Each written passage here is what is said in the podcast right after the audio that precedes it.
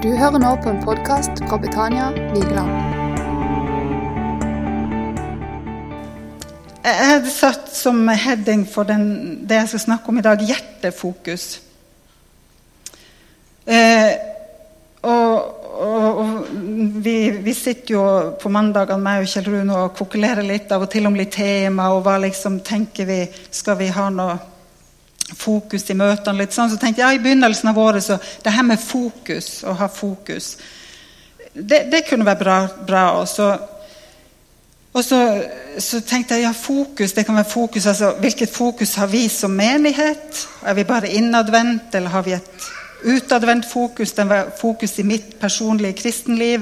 Er jeg bare egoistisk, eller hva er mitt fokus? Men så, så her er det noe som har ligget i meg så lenge for det er noe med det der at Hvis ikke hjertet har det bra, hvis ikke utgangspunktet er bra, så blir liksom alt litt sånn Det går litt på, på halv tolv. Eh, og når en ser hvordan mange lever, og når en hører en del jeg, jeg blir liksom helt sånn fortvila når jeg hører en del ungdom Hører f.eks. en del unge jenter hva de er villige til å gjøre bare for å få aksept bare for å tilhøre. Hvordan de altså, liksom selger seg sjøl bare for at noen skal eh, holde rundt dem eller kalle dem si, eller et eller annet sånt. Eh, for å tilhøre. Så tenker jeg, da er det jo vi, vi må jo synes synd på deg, ikke forakte deg, fordi det er noe galt med hjertet. Sånn, hjertet har det vondt.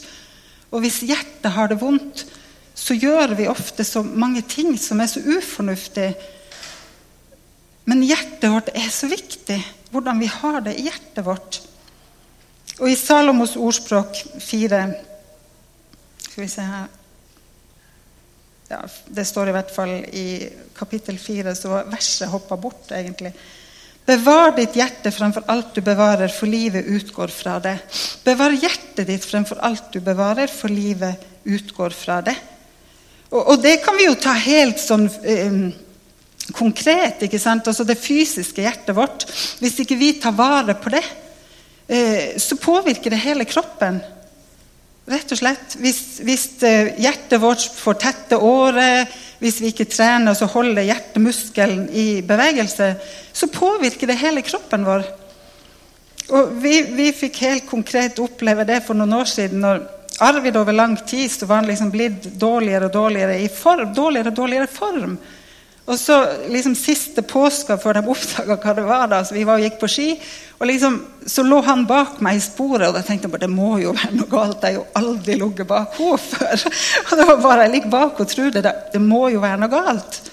Og så gikk det noen måneder til, og så fant de ut at han hadde hjertesvikt. Og jeg lo jo bare av han han kom passende bak meg ikke sant, og fleipa med at ja, skal jeg ringe luftambulansen, og det er sikkert en scooter på lakken. Og sånn. Og der og da visste vi jo ikke at det faktisk veldig godt kunne vært, blitt en realitet. Men så oppdager jeg at hjertet er noe feil med. Og da påvirker det hele kroppen. Du blir sliten, og du blir trøtt og bleik og sånn. Og, og sånn er det liksom med det Altså det, si, vi, vi, bruker jo liksom hjertet for å beskrive vårt indre. Det som på en måte er oss med følelser og alt det her. Og når, Hvis ikke vi har det godt på innsida, så påvirker det hele livet vårt.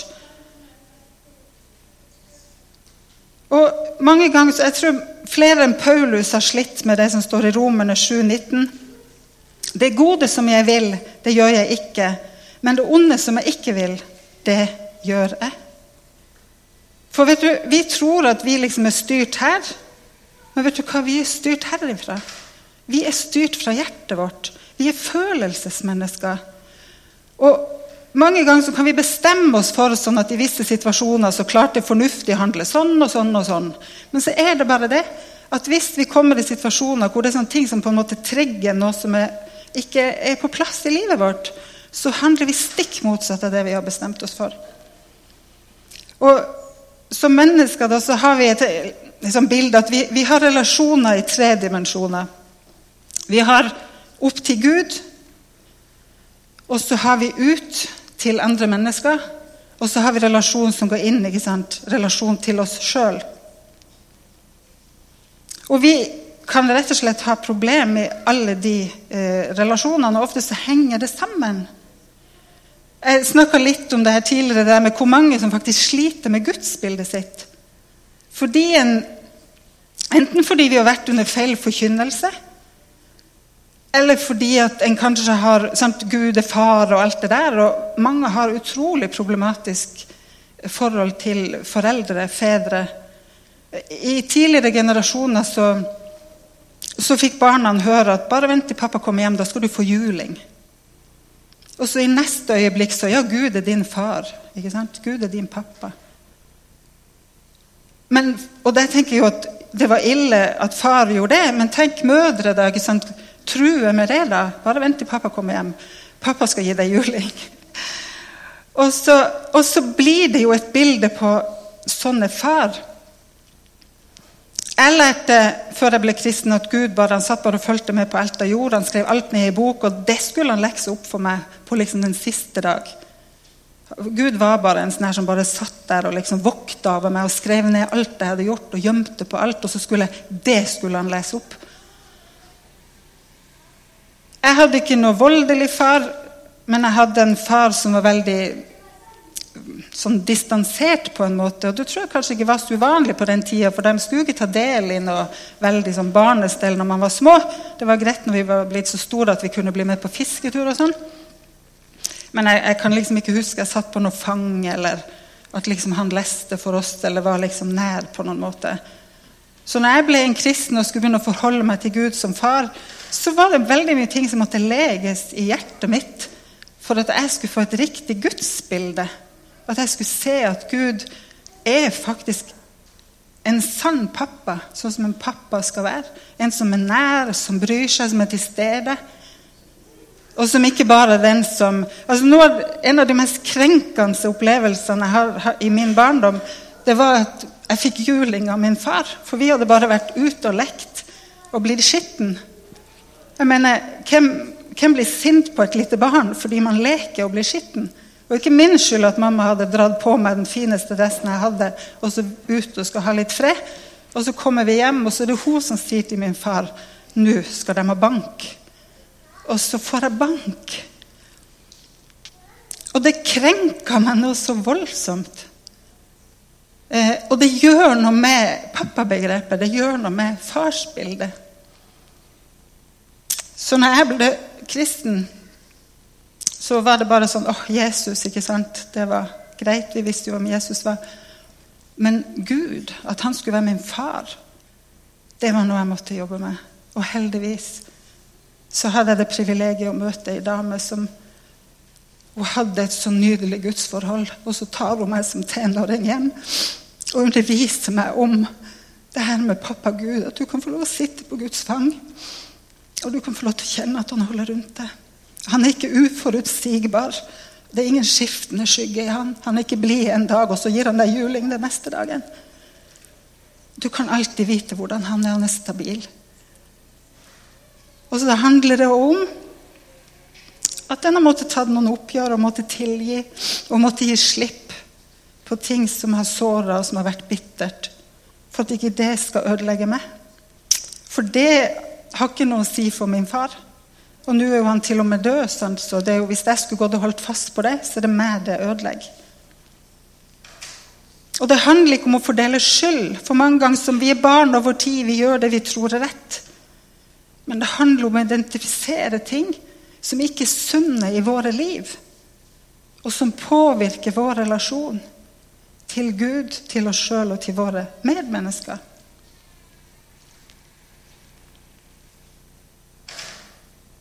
Og det er så mange av oss som altså Vi blir bare gående i det uten å ta et oppgjør med det. Og så påvirker det som sagt relasjonen til Gud, til barn, til ektefelle, til venner, til kollegaer på jobb. Og så går vi på kommunikasjonskurs, og vi går på ekteskapskurs. Og vi leser bøker om barneoppdragelse. Og vi går på selvrealiseringskurs og skal finne oss sjøl. Og hvor mange konferanser har vi ikke vært på, sånn kristne konferanser? Hvor mange bøker har vi ikke lest? Og ønsker å få på plass en del ting i livet vårt. Men så er det som sagt, det sitter ikke i hodet, det sitter i hjertet. For vi er følelsesstyrt.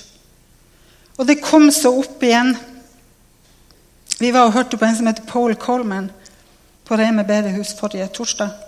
Også fordi det her er hans vitnesbyrd, så kan jeg si det. Og Han forteller bare hvordan han var en, en stor musiker, reiste rundt hele verden, hadde nok av penger, gjorde det veldig veldig bra for en del år siden. Svært hus og Og så En dag han kommer hjem, så sier bare kona til han 'Jeg vil skille meg', sier han. Nei, sier hun. Og han blir bare 'what?' Og det, ja, sier hun, 'You're a complete asshole'. Det var hennes ord. Altså, Du er bare verdens største drittsekk. Og så sier han bare der plutselig, det er vel ti år siden, så finner han seg sjøl der. Sitter på julaften. Sitter han der alene. Kona var ikke der, ikke barna var der. Han sitter der alene. Bare åssen i huleste har jeg havna her? Men det han skjønte, da, var at han måtte ta tak i en del ting. For det han sier, det er at Og han begynte i counseling, da, i rådgivning. For han sier grunnen til at han var sånn altså, han var jo, Det var jo synd på han. Men i våre relasjoner sant, så er det jo gjerne fordi vi har det vondt. Men det klakker folk å se. De bare ser oss som drittsekker. Hvorfor oppfører du deg sånn? Men han forteller oss når han hadde virkelig hatt det så tøft og hadde, ja, Han hadde fått så mye bank og ja, hadde skikkelig tøft når han var liten og i ungdommen. Og han sier for hver pil sant, som kommer, så bare liksom å knekke det av, og så bare skjermer du deg. Og du, du ikke noe, tok ikke noe oppgjør med det. Og så går han bare videre, og så har du sårene der. Og når vi får fysiske sår, så går vi til legen. Er det ei skramme, så får vi plaster på pyresept, vi renser, vi sørger for at det gror. Er det alvorlig, så går vi til doktor, og vi får hjelp. For alle vet at til og med ei lita flis den inneholder ting som gjør at det kan bli alvorlig infeksjon. Og du får fysiske plager. Og vi går og vi tar bort den flisa. Og tenker, Får du ei pil, så er det jo enda viktigere å få fjerna det. Jo større ting, jo viktigere er det. Men eh, så ofte så, så, snakker ikke vi om de her tingene. Vi, vi bare holder, ikke sant? vi skjermer oss, vi skjuler oss, vi beskytter oss. Men i situasjoner når det man kaller det for sånn triggerpunkt, så bare kommer det frem. Hvis vi sliter med sår, hvis vi sliter med dårlig relasjon, hvis vi sliter med dårlig selvtillit, dårlig selvbilde, så kommer det frem, og så blir det bare sånn ikke sant? Og så den som tilfeldigvis er der da, får liksom hele greia. Og jeg tror ikke at Gud ønsker at vi skal ha det sånn. Jeg tror Gud ønsker at det står er det Paulus som sier det, du skal ha det godt sant? i din kropp, i din sjel, i din ånd. Den hilsen han gir til noen. Jesaja 55, 55,9. For som himmelen er høyere enn jorden, slik er mine veier høyere enn deres veier, og mine tanker er høyere enn deres tanker, sier Herren. Han har så store tanker for oss. Han har så store drømmer for oss. Og Av og til så syns jeg det er så trist man møter folk som bare Nei, det er liksom ikke vits. Det er ikke, det er ikke vits å ta tak i det. Det er bare liksom å fortsette. Og Han har dekka bord for oss, og så tar vi til takke med smuler. Mens han liksom har dekka bord for oss og vil at vi skal liksom leve godt og ha det godt. Og så bare Nei, nei, jeg bare tar de smulene, da. ikke sant? Og, tenker, og det er så trist, for vi er aldri for Verken for ung, for gammel, for uh, fattig, for rik. Ingenting, liksom. Til å kunne ta tak i de her tingene. Til å kunne oppleve at ting blir lekt, og ting kommer på plass i livet vårt. Og jeg synes også det er trist at fordi det er sånn press i dag på relasjonene. Det er sånn press på familier, press på ektefeller, ikke sant? og det er press på foreldre og barn. Og hvis vi går og sliter på de her tingene, så rammer det de som er oss nærmest, de som er viktigst for oss. Si, vi må ikke se oss blind. Vi kan møtes her, og vi har pynta oss, og halleluja, vi kan stå ho-ho, ikke sant? Men ingen som ser på baksida.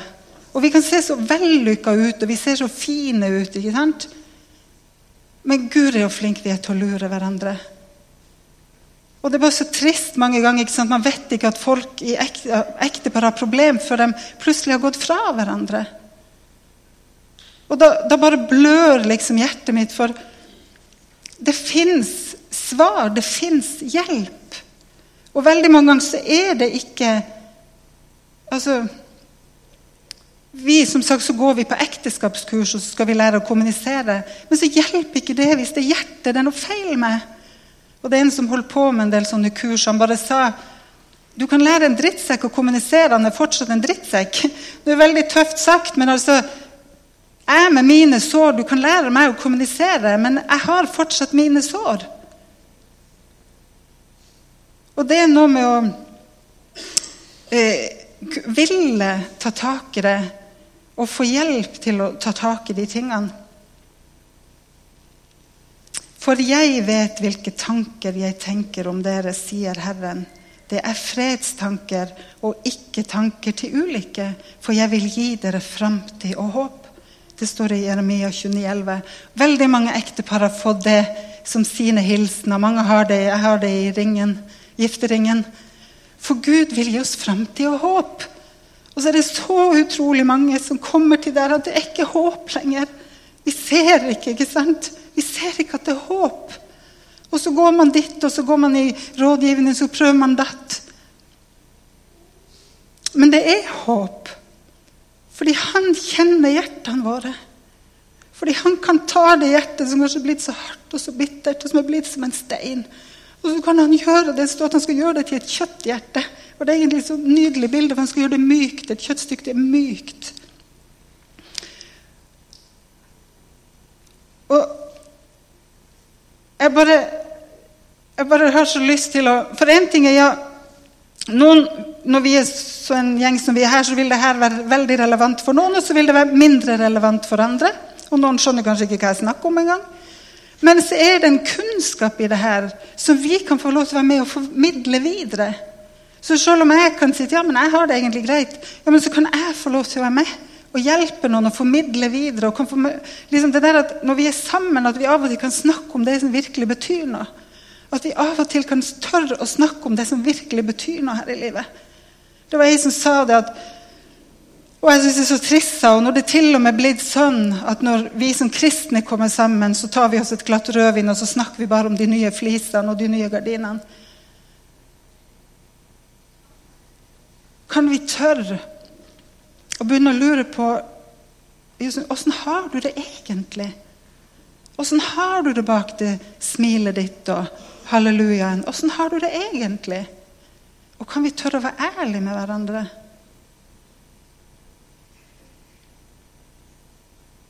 Og jeg tror som sagt på at Gud han har så store drømmer for oss. Han har så store tanker for oss. Han har sitt hjerte for oss. Og han har skapt oss i sitt bilde helt perfekt. Og så kommer det ting inn ikke sant, som ødelegger. Men så kan vi få lov til å være med og få inn det riktige bildet og se dette hva Gud hadde egentlig tenkt meg til. Og Noen av oss er frimodige, og noen er litt sjenerte. og noen er sånn, og Det er ikke det det handler om. Men når noen er så bundet i sjølforakt, menneskefrykt, eh, dårlig sjøltillit, at det er hemmende og det er vondt, og man bare sjøl kjenner at ja, det er utfordrende Livet er så utfordrende på sånne ting. Da vet jeg at det er ikke som Gud vil at det skal være. Gud vil at de sårene skal bli lekt, at vi på en måte skal eh, ja, ha det godt med oss sjøl. Finne hjem. Finne hvem vi er. Og det er en prosess, det er ikke fix. Og det også, jeg tenker Av og til så er det bare å be, det er bare å be. Og nå har jeg veldig stor tro på bønn. Jeg har så tro på at disse prosessene skal være båret i bønn.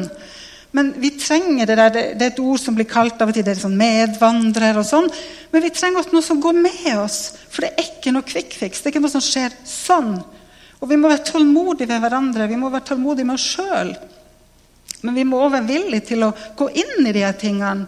For som sagt, er det noe fysisk, så tar vi tak i det. Men når det er sånn relasjonsmessig, så er det mange ganger at Nei, er det vits? Er det, nei, det er for tøft, det er for flaut, det er for nedverdigende. Jeg kan ikke fortelle noen. De andre har det så bra. Jeg kan ikke si at vi sliter. Kanskje barnet mitt har det vanskelig. Kanskje vi har det vondt i ekteskapet. Det er sånn tabubelagte ting. Jeg tror flere av oss sliter med det enn vi vet om, fordi vi, vi deler ikke tingene. Og ikke minst vi som har gått en vei, skulle vi tørre å være litt ærlige og autentiske med de som kommer etter. Unge i dag må jo tro at hvis ikke alt er helt perfekt, så er det noe galt. Men altså, hvis ikke noe er galt, da er det galt. For vi fremstiller jo alt som om ikke sant? Åh, det er så fint. Se de her bildene som legges ut på sosiale medier. Altså, det, alt er hvitt, og alt er bare altså, Det er så fint, det er så tekkelig, det er så pent. Og det er ikke det det er fint, det. Altså, det er ikke det jeg mener. Men hvis vi aldri evner å vise den sanne sida, så går folk og tror at ja, de andre alle andre, alle andre, der er det så fint, der er det så perfekt. Jeg tør ikke å dele mine problemer, for da blir jo jeg bare helt uh, ukristelig. Men la oss tørre å være ærlige, la oss tørre å be om hjelp. Og, og nå er det som på mange småplasser så er det ofte ikke kompetanse, og det er ofte ikke den faglige tyngden, men det å være medmenneske det å kunne ta i hånda over kjøkkenbordet og si men jeg, jeg, vil gå med deg, jeg vil høre på deg, jeg vil be for deg, det kan alle gjøre. Og så kan vi gi tips om det fins et kurs, det fins noen du kan gå til. Det fins hjelp. Men det er liksom noe vi må ville. Mange sliter med ja, så Man går bare hele tida og føler at man kommer liksom ikke dit man på en måte kjenner i sitt indre at Gud har kalt den til. Fordi en sliter med så mange av her tingene. Eh, å, det var veldig lett. Det I Salme 109, 22 så står det Jeg er elendig og fattig. Mitt hjerte er såret i mitt indre. Og, og, og mange kan bli litt sånn der at Nei, jeg er ikke god nok. Jeg har ikke nok. Alle andre er så flinke, og de her de synger så fint, og den leder så bra, og den taler, og jeg er ingenting. Og veldig ofte så bunner det i det der at en er såra i sitt indre, og da kjenner en bare at neimen, jeg har ingenting. Jeg er fattig, liksom. Gud har ikke gitt meg det, og han har ikke gitt meg de gavene. Og så er vi så rike. Gud har gitt oss alt. ikke sant? Det er ingen som har fått mer enn andre. Vi har alt i Kristus. Men når vi er såra i vårt indre, så har vi en tendens til å bli sånn ikke sant? Det er ingenting med meg. Og det tror jeg hjertet og slett at, jeg tror at Gud ønsker at det skal komme på plass. For et glad hjerte gjør ansiktet lyst, men hjertesorg bryter ånden ned, står det i ordspråkene 15, 13. Og et glad hjerte gir god legedom, men en motløs ånd tar margen fra benene ordspråkene 1722. Masse sykdommer eller si sykdommer i dag. Masse av de, jeg tror den Overvekt av de konsultasjonene legene får i dag, det er det vi kaller for psykosomatiske sykdommer. Det er rett og slett ikke fysiske sykdommer. Det er ting som plager man får i kroppen fordi hjertet ikke har det godt. Tenk! Og så sitter vi som kristne og kjenner Han. Kjenner Han som har skapt oss som har lagt ned drømmen i oss. Han som har nøklene. Han som kan ta hjertet vårt, og så kan han gjøre det nytt igjen. Fordi det står at Jesus er i går, i dag, til evig tid den samme. Å si at Jesus er i går, det er fullstendig feil grammatikk. For det går ikke an å si at man er i går, for man var i går. Og alle andre var i går, men ikke Jesus. For Jesus er det ikke tid, for Jesus er det ikke rom. Og jeg har sittet med mennesker og sett hvordan Den hellige ånd kommer med og tar dem tilbake til da det skjedde ting i barndom eller ungdom. Og bare se hvordan legedom kommer. Hvordan jeg får lov til å oppleve Jesus i den situasjonen. Og se at ting faller på plass. Og det er bare helt fantastisk. Og det har vi som ikke verdslige psykologer har. Selv om jeg tror at ofte kan det være riktig å gå til psykologer. Utdanna, gode psykologer kan være veldig viktig for enkelte traumer og ting. Men vi har noe som ikke de har. Vi har en hellig ånd som sier Jesus, han var i går. Det fins ikke tid, det fins ikke rom. Så det er ikke noe at nei, fordi det skjedde da, kan vi ikke gjøre noe med det. Jo, jeg vil ta deg i hånda, så vil jeg gå tilbake. Så kan det bli gjenoppretta, det som var.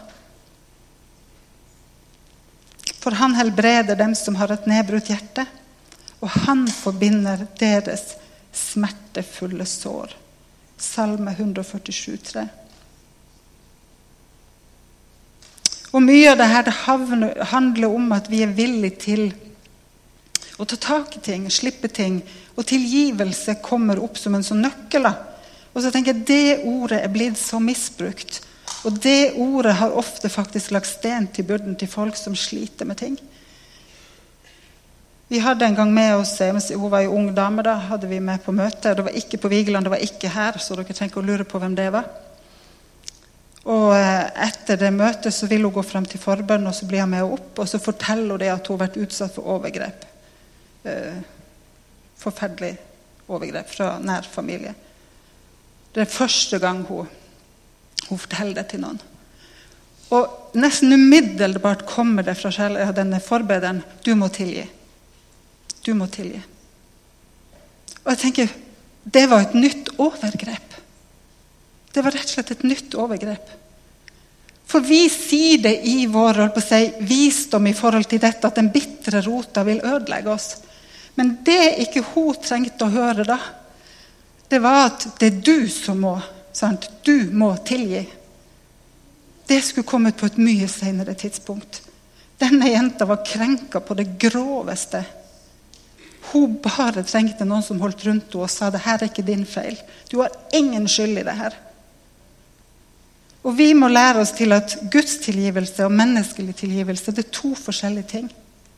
Gud bare lengter etter å tilgi oss. Han tilgir oss sånn. Og han glemmer det som var. Avhengig av hvor grove disse ja, overtrampene som er gjort mot oss, er, så er det liksom hvor mye tid det går. Av og til så er det sånn at vi bare ja, greit, vi tilgir og vi legger det bak oss og vi går videre. Men av og til så er det en prosess som vi må stå med mennesker i og hjelpe dem over tid. Og hjelpe dem inn i. For når Gud tilgir, så glemmer han. Men du kan ikke forvente at grove overgrep og tillitsbrudd at da glemmer vi det. For tilgivelse og tillit er to forskjellige ting. Vi trenger å tilgi for å ta ut den bitre rota. For at ikke det skal ødelegge oss. Og det er faktisk en gave til oss, ikke den som har forvoldt oss skade. Men å ha tillit, det er noe som bygges over tid. Det er ikke gjort sånn. For tillit, det må vi fortjene, nemlig. Og av og til som sagt, så har vi lagt stein til byrden. Fordi det er noe av det første vi presser på. Du må tilgi.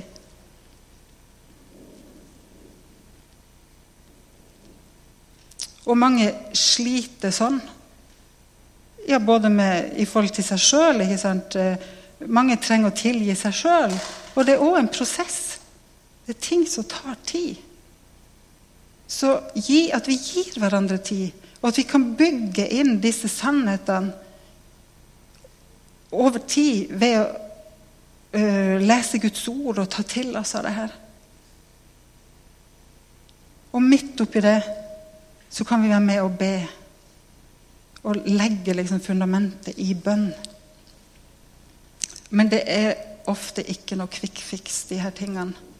Og mange kommer med de såreste tingene i en sånn ettermøte, og så er det den bønn, og så bare ut.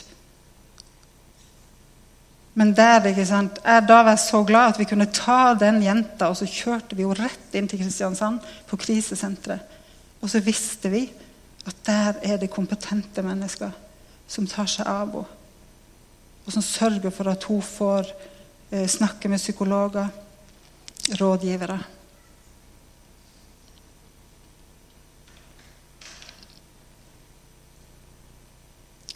Tilgivelse det er et valg, men det er ofte en lang prosess. Og vi kan være der at vi møter mennesker som noen trenger å tilgi Gud fordi at de har trodd det var Gud som sto bak masse fæligheter.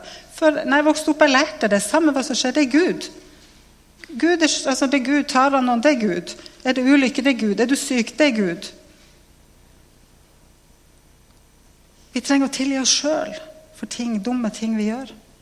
Og mange sliter mest med å tilgi seg sjøl. fordi man har sånn sjølforakt og så dårlig sjølbilde og for dumme ting en har gjort. Men vi trenger rett og slett å tilgi oss sjøl. Og så trenger vi det å få lov å gi slipp på ting i forhold til våre medmennesker. Og der er det som sagt en vei å gå i forhold til alvorlighetsgrad. Og da må vi gi folk slekk, altså. Gi folk rom, gi folk tid, være villig til å stå med og gå med. Å velge å tilgi, hva er det? Det er ikke å si at 'nei, men det gjorde ikke noe, det var greit', nå er alt greit.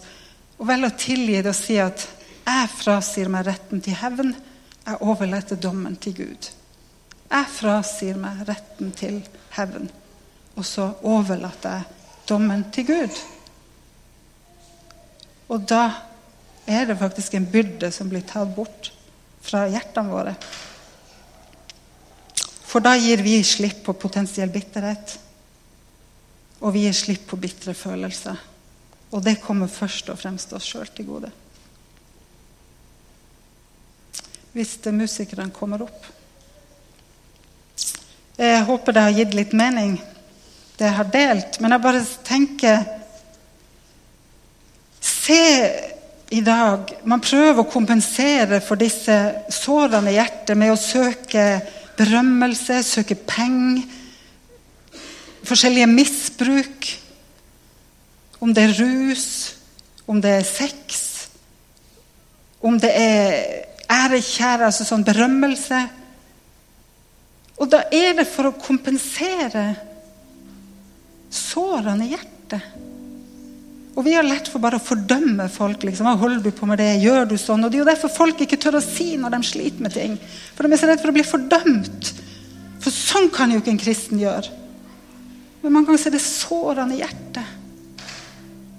Og da trenger vi bare å få tak i det. Og med Den hellige ånds veiledning så kan vi få tak i men hva er det Hva er det som gjør at vi må fylle det med sånne ting som ikke er Guds måte å fylle det på? Men Gud vil fylle det med sin kjærlighet, med sitt ord, med sin fred.